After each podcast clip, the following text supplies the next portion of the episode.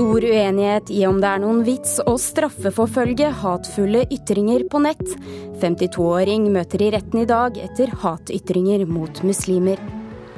All grunn til å ha skyhøye forventninger når sir Paul McCartney dukker opp i Bergen.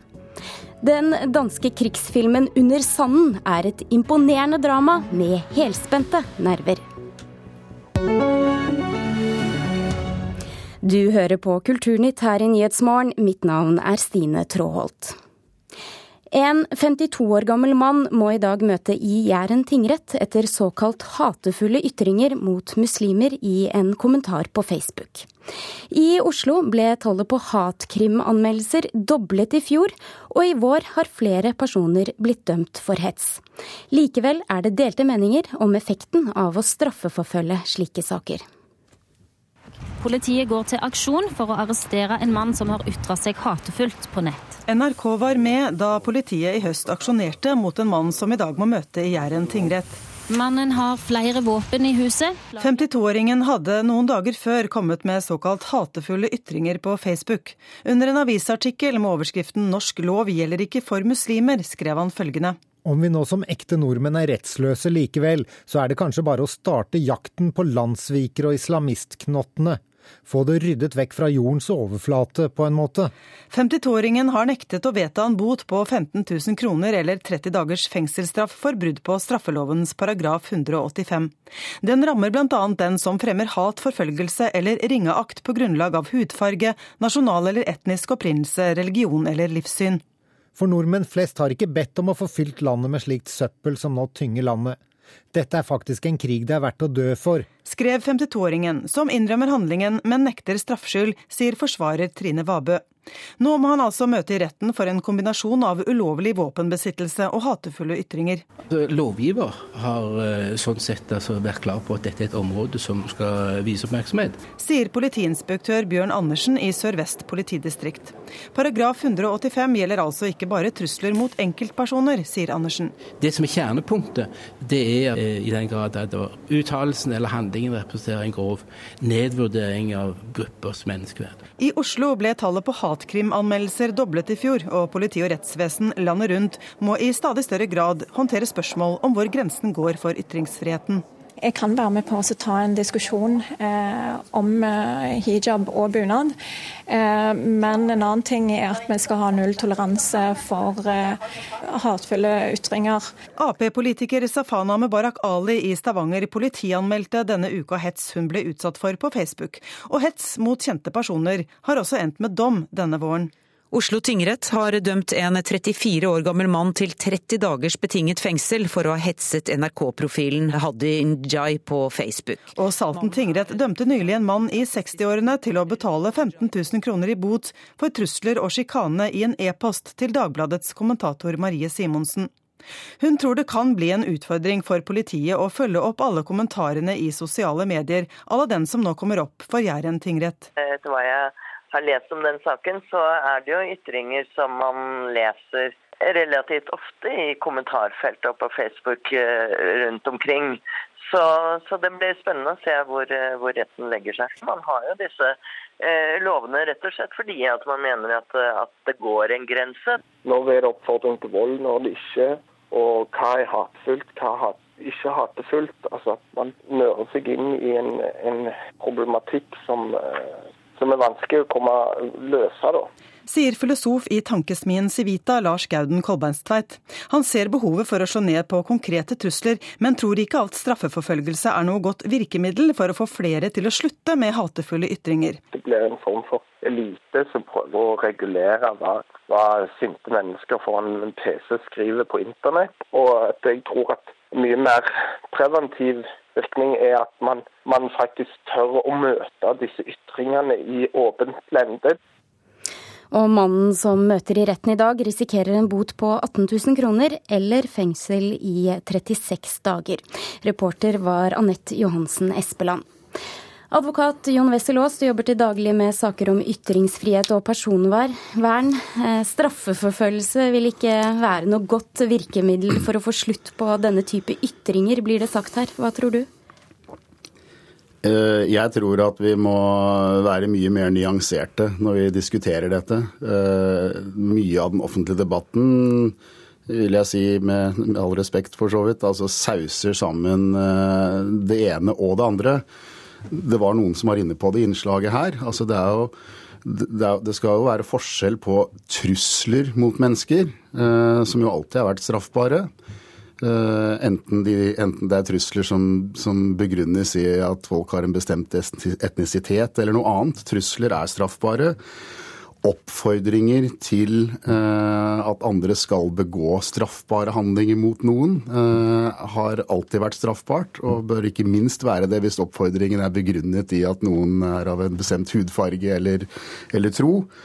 Men vi har dette vanskelige feltet, det er jo hvor det er snakk om det som, det som også er rene politiske meningsytringer, som er mer generelle, og som eh, likevel kan inneholde vurderinger av uh, visse folkegrupper som de fleste av oss vil synes er forkastelige.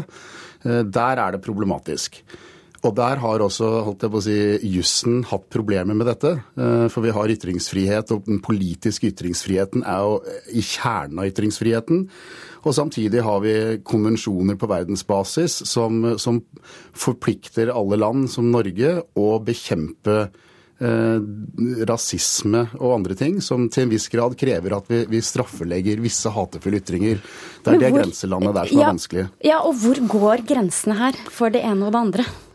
Vel, det er, jo, det er, jo, for så vidt en løpende diskusjon. Og, og, og, når vi får saker opp i retten, så blir jo disse grensene trukket. Men jeg vil jo si at i Norge så er jo kjernen i denne uh, generelle bestemmelsen om hatefulle ytringer, kjernen i den er jo nettopp der hvor ytringene går lenger enn å bare være meninger, men, men oppfordringer til forfølgelse av visse grupper uh, eller enkeltpersoner pga. etnisitet, uh, tro osv eller der hvor det ligger konkrete trusler mot en eller flere enkeltpersoner. Det er jo kjernen i bestemmelsen. Eh, og der har vi andre bestemmelser i straffeloven som for så vidt kunne fanget opp det. Om oppfordringer til straffbare handlinger, om trusler. Vi har egne bestemmelser den som populært kalles sjikanebestemmelsen, som favner ganske vidt. Eh, men som også vil omfatte at du forfølger noen eh, bestemte personer med ytringer på nett eller i tekstmeldinger direkte til dem som, som til sammen blir plagsomme eller skremmende. Eh, så det, for å si det sånn, Lovgivningen vår den dekker det den trenger å dekke. Spørsmålet er hvordan den blir håndhevet. Jeg tror, ikke, jeg tror ikke på straffeforfølgelse at det hjelper når det gjelder rene politiske meningsytringer som ikke går over den grensen til å være oppfordringer til forfølgelse eller vold eller det er trusler. Men kan dette innebære altså en begrensning av ytringsfriheten? Ja, er, ja, altså alle, alle, alle, alle, bestemmelser som straffer ytringer, innebærer jo en begrensning i ytringsfriheten, for så vidt. Spørsmålet er bare hvilke begrensninger vi, vi bør operere med i et demokrati. Uten at det går utover den politiske eh, meningsfriheten. Og det er det, det, er det grenselandet der som er, som er, vanskelig, og som er veldig opp i dagen nå, fordi så mange av den typen eh, ytringer blir synlige i, i sosiale medier. Tusen takk for at du kom til eh, Kulturnytt, advokat Jon Wessel Aas.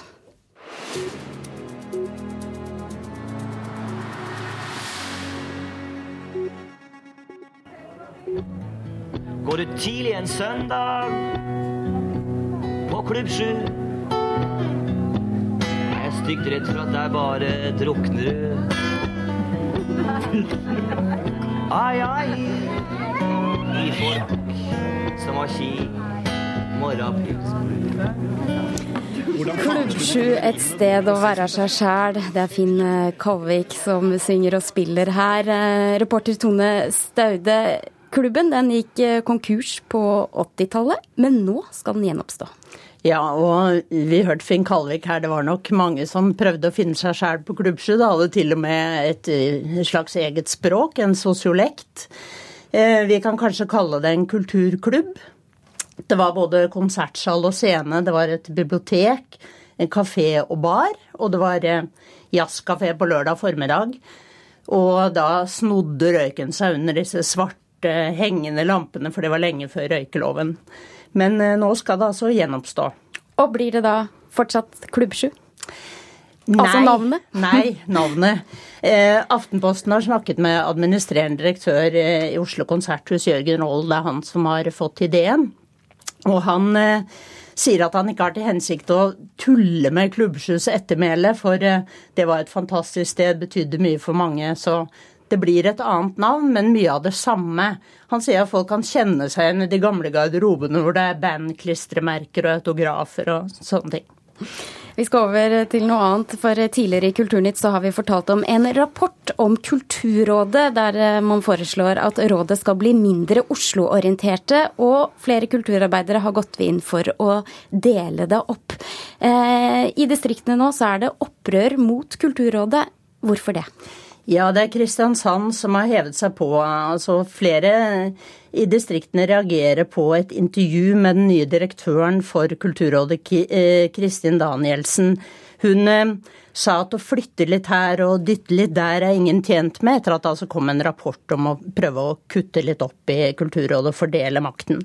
Eh, så nå er det Kristiansand som protesterer på det, altså, og at det skal være så Oslo-sentrert. Det var fra Dagsavisen i dag. Takk for den orienteringen, reporter Tone Staude. Det eksisterer en nachspielkultur på sosiale medier, mener flere eksperter.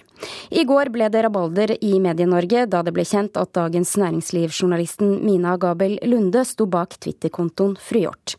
Der har hun, ifølge henne selv sammen med flere andre, bedrevet kritikk av kolleger i bransjen i en krass og sarkastisk tone. Jeg har vært veldig lite aktiv på den Twitter-kontoen. Eh, jeg har 6000 følgere på Twitter som meg selv, under mitt eget navn. Og jeg har skrevet veldig mye frekt og krast der også. Som ikke er noe verre enn Nei, ikke noe bedre, mener jeg, enn det jeg har bidratt med under Fru Hjort-kontoen. Mina Gabel Lunde forsøkte i går å tone ned sin rolle i den omstridte Twitter-kontoen. I Dagsnytt 18 beklaget hun at den tidvis hadde sparket nedover gjennom ufine personlige kommentarer. Og jeg vil helhjertet beklage at det har blitt sparket nedover fra denne kontoen også. Og det har vært ganske hardt sparket nedover. Eh, både mot den du nevner, men også andre. Ferske journalister. Jeg har personlig ikke skrevet noe av det. Men du kunne satt en stopper for det? Ja. Men jeg er her for å beklage at jeg ikke stoppet det, for det kunne jeg gjort. Det er mye lettere å sitte bak et tastatur og kommentere, og kanskje òg det er så enkelt å gjøre det med et eh, pseudonym, en trenger ikke være seg sjøl. Og, og, Derfor er det jo mange bloggere og andre som bruker mye tid i sosiale medier, de unge i dag, som opplever dette med negative kommentarer. Sier blogger og digitalrådgiver Trine Grung. Det, det er en negativ utvikling av eh, kommunikasjon digitalt i aller høyeste grad. Det er det. Får vi gjort noe med det? Det tviler jeg på. Jeg syns på en måte grensen går ved eh, det som, hvor det begynner å bli harselas og uh, karakteristikker av enkeltpersoner. da. Uh, og så kan man si Jo mer makt enkeltpersonen har, jo mer må de også tåle. Ida Aalen er medieviter og fagbokforfatter av boken 'Sosiale medier'. Det er jo ingen av de på en måte, synspunktene som har kommet fram med den kontoen som er noe som man i seg selv vil bli sjokkert av at en journalist kan ha. Eh, men forskjellen er jo kanskje at før så ville jo de tingene ikke vandret så veldig langt utenfor på en måte en øl med kollegaer eller kompiser eller et eller annet sånt. Eh, og med en gang det sosiale medier har på en måte gjort at den type sånn, eh, sånn blanding mellom litt sånn sladring, pludring og legitim kritikk da, kan få et mye større publikum enn det ville gjort før vi hadde internett. Det er jo det vi ser i sosiale medier, at når vi har muligheten til å eh, ytre oss som vi vil, uten å ha regler å forholde oss til, eh, så ser vi også tilfeller av en type nachspielkultur. Det sier Cecilie Staude, som underviser i sosiale medier ved Handelshøyskolen BI. Og Det handler jo om uh, at man bruker kanalene til å formidle til andre hva man driver med. Og Noen ganger så ser vi eksempler der man kanskje burde ha tenkt seg litt mer om før man, før man poster det man, har, det man har sagt. Reporter Philip Johannesborg. Du hører på Kulturnytt, og klokken er nå 18 minutter over åtte. Dette er nyhetsoverskriftene denne morgenen. Valglokalene i Storbritannia åpnet for et kvarter siden, og det er helt jevnt på meningsmålene mellom de som vil bli i EU og de som vil ut. Det er kaos og protester i den amerikanske kongressen. Demokratiske medlemmer krever avstemning om nye våpenlover. Og bjørnen som ble skadeskutt ved Oversjøen i Røros kommune, er avlivet. Det opplyser politiet. Politiet ga, ba tidligere folk eh, i området om å holde seg innen, innendørs. Han som vi vel kan omtale som eh, verdens største nålevende artist, skal spille konsert i Norge i morgen. Jeg snakker om sir Paul eh, McCartney, som kommer til Bergen for aller første gang for å opptre på Koengen. Musikkjournalist og Paul McCartney-ekspert Bård Ose, hvilke forventninger er det på sin plass å ha foran morgendagens konsert? Ja, hvis du sånn som jeg vokste opp med musikken til eh, The Beatles og Paul McCartney, så er det hele eh, livet ditt som egentlig skal gå i revy. Du, du er til stede på en konsert der eh, du får hele lydsporet til barndom, oppvekst, ungdomstid. Det blir en historisk opplevelse. En sånn opplevelse som jeg sannsynligvis bare får én gang i livet, og det tror jeg er felles med omtrent de 22 000 som kommer eh, i morgen. Men hvilket nivå vil du si at han holder om dagen? Til å være 74 år så tror jeg faktisk ikke det finnes andre artister uh, som har like mye igjen av sin sangstemme, sin uh, spilleglede og uh, sin evne til å kommunisere med publikum. Selvfølgelig kan vi si at The Rolling Stones holder samme standard, men jeg vil aldri sammenligne de to. fordi at The Rolling Stones er et rock'n'roll-sirkus, mens Paul McCartney er mer en Eh, altså poplegende som står der og spiller den ene udødelige sangen etter den andre. Og det låter omtrent som om du var tilbake på 60-70-tallet. Udødelige sanger. De, det er mange kjenter signert Paul McCartney. Jeg har en utfordring til deg nå, eh, Bård Ose. For ja. vi har nemlig eh, satt sammen syv låter signert eh, Paul McCartney i veldig korte klipp. Jeg spiller av den nå straks, og så får du da tippe hvilke låter det er snakk om. Er det greit? OK. Ok, Vi prøver. used to say, live and let live. Nobody ever hears him or the sound he appears to make, and he never seems to notice. I can wait another day until.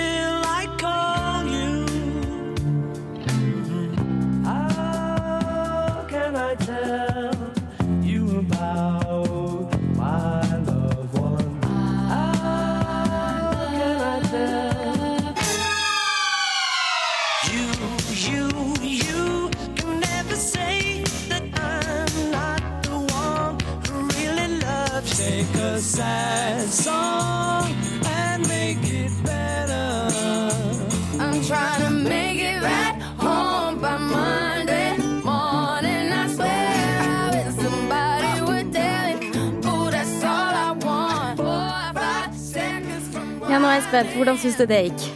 Jeg syns det gikk veldig bra. Jeg. Eh, ja, du, var veldig, på toppen, du var veldig snill med meg. Ok, ja, det, det, er godt å vite det også, da. Ja, det var eh, Live and Let Die fra Riktig. James Bond-filmen. Og så var det Fool on the Hill fra Magical Mystery Tour. Og så var det No More Lonely Nights filmsanger, alle sammen. Uh, Silly Love Songs, uh, Say Say Say, Hey Jude, og til slutt uh, er det 4-5 seconds du sier, eller sier du 45 seconds? 45 seconds, ja. ja. Riktig på alt. Veldig bra. Hva sier disse låtene om ham som artist? Jeg sier at han er veldig allsidig, og at han har klart å følge med i tiden. Dette var jo sanger som gikk helt tilbake til 1967 og frem til i dag. Uh, og um, så er det det at Paul McCartney har en utrolig evne til å uh, finne nye melodier hele tiden. Du tror kanskje at du har hørt melodiene før fordi at sangstemmen hans er så lett gjenkjennelig. Men så er det nye varianter hele tiden. og Det var en som sa til meg i Liverpool, en av de som hadde spilt med Paul McCartney i tenårene, at bare han satt med en gitar, så kom det en melodi. Hver gang Paul McCartney hadde en gitar i hendene, i fanget sitt, så kom det en ny melodi. En ting er alle de kjente låtene han har laget selv, men på hvilken måte har han inspirert dagens eh, artister? Jeg snakket med en i, i redaksjonen vår som spiller trommer i et band, og han er en gutt i 20-årene som sa det at dette er det største som han kommer til å oppleve. Og Hvis en gutt i 20-årene som har nettopp startet band, kan si noe sånt, så forteller det meg at eh, Paul McCartney inspirerer selv den nye generasjonen av musikere. Og Jeg tror faktisk ikke at det er en eneste av eh, de som jobber innenfor popmusikk, som ikke har vært inspirert eller påvirket av Paul McCartney en eller annen gang. Han er i samme klasse som disse eh, store komponistene som eh, Bert Bacharach, Irving Berlin, faktisk. Så Paul McCartney Du kan egentlig ikke overvurdere hans betydning for popmusikken. Og i morgen har han også samlet rundt 20 000 mennesker eh, i Bergen. Tusen takk for at du var med i Kulturnytt, Bård Ose.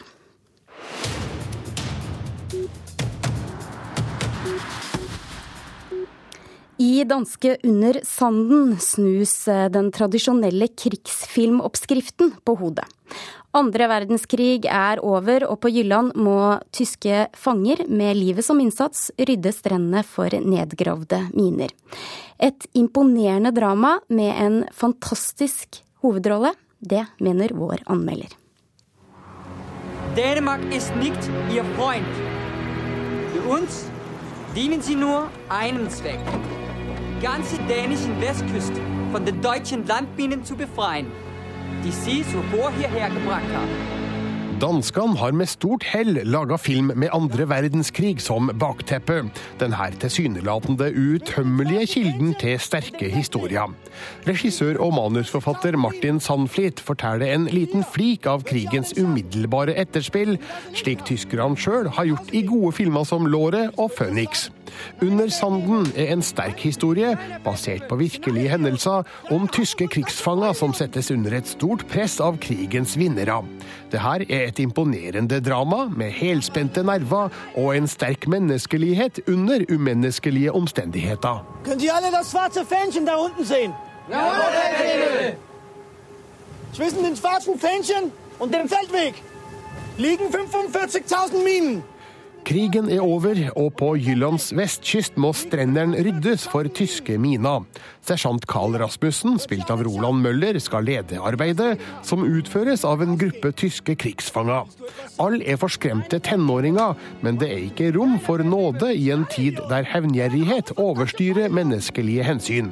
Filmen skildrer iskaldt og effektivt det ekstremt farlige ryddearbeidet, der den minste lille feil kan resultere i plutselig død.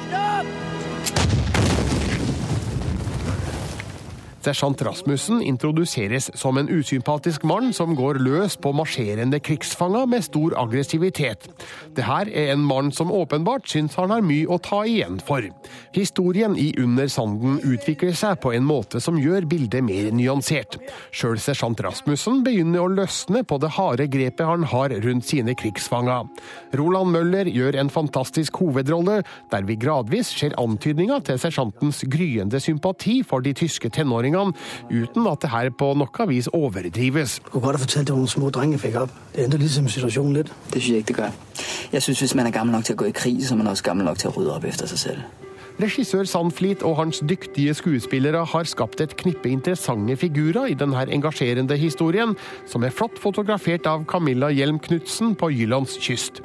De vakre omgivelsene står i sterk kontrast til de stygge hendelsene, som dermed forsterkes i Sandflits utmerkede film. Under sanden berører og beveger publikum mellom sorg og sinne. Marsj! Anmelder var Birger Vestmo.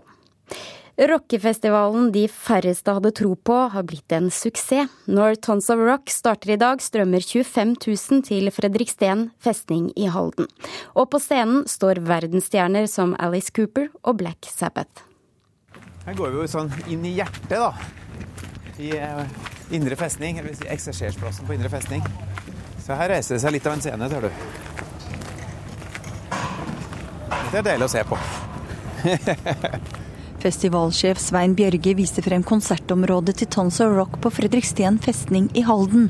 Og det manglet ikke på motstand da han sa han skulle trekke 20 000 rockere til festivalen for tre år siden. Mange som lo da. det var jo det. Men, eh, men, vi så jo potensialet da, både i å lage en sånn festival som, som dekker rock og metall, men også den bonusen det er som jeg sier, på festningen her. Da. Og Derfor så var vi så, som noen mente, ganske flåsete og sa at her skal vi trekke 20 000 om noen år.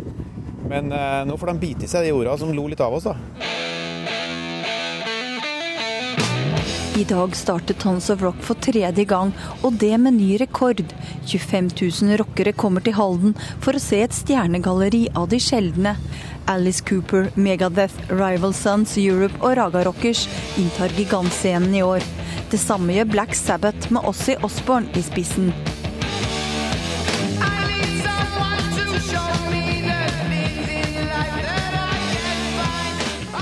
De har valgt å ta med Tons of Rock i sin avskjedsturné. Det er klart det er et gjennombrudd i år med at vi får et av verdens største band på sin siste turné, altså Black Sabbath, på torsdagen. Det er, eh, det er, jo et historisk øyeblikk, og det er et historisk øyeblikk for Halden og for Østfold. Eh, det er et av de desidert viktigste bandene i, i rocken som tar farvel i, på Fredriksten festning i Halden. Så det er, litt, det er litt historisk sus over det. Jeg er jo stolt over at du klarte å få dem hit på den siste runden sin.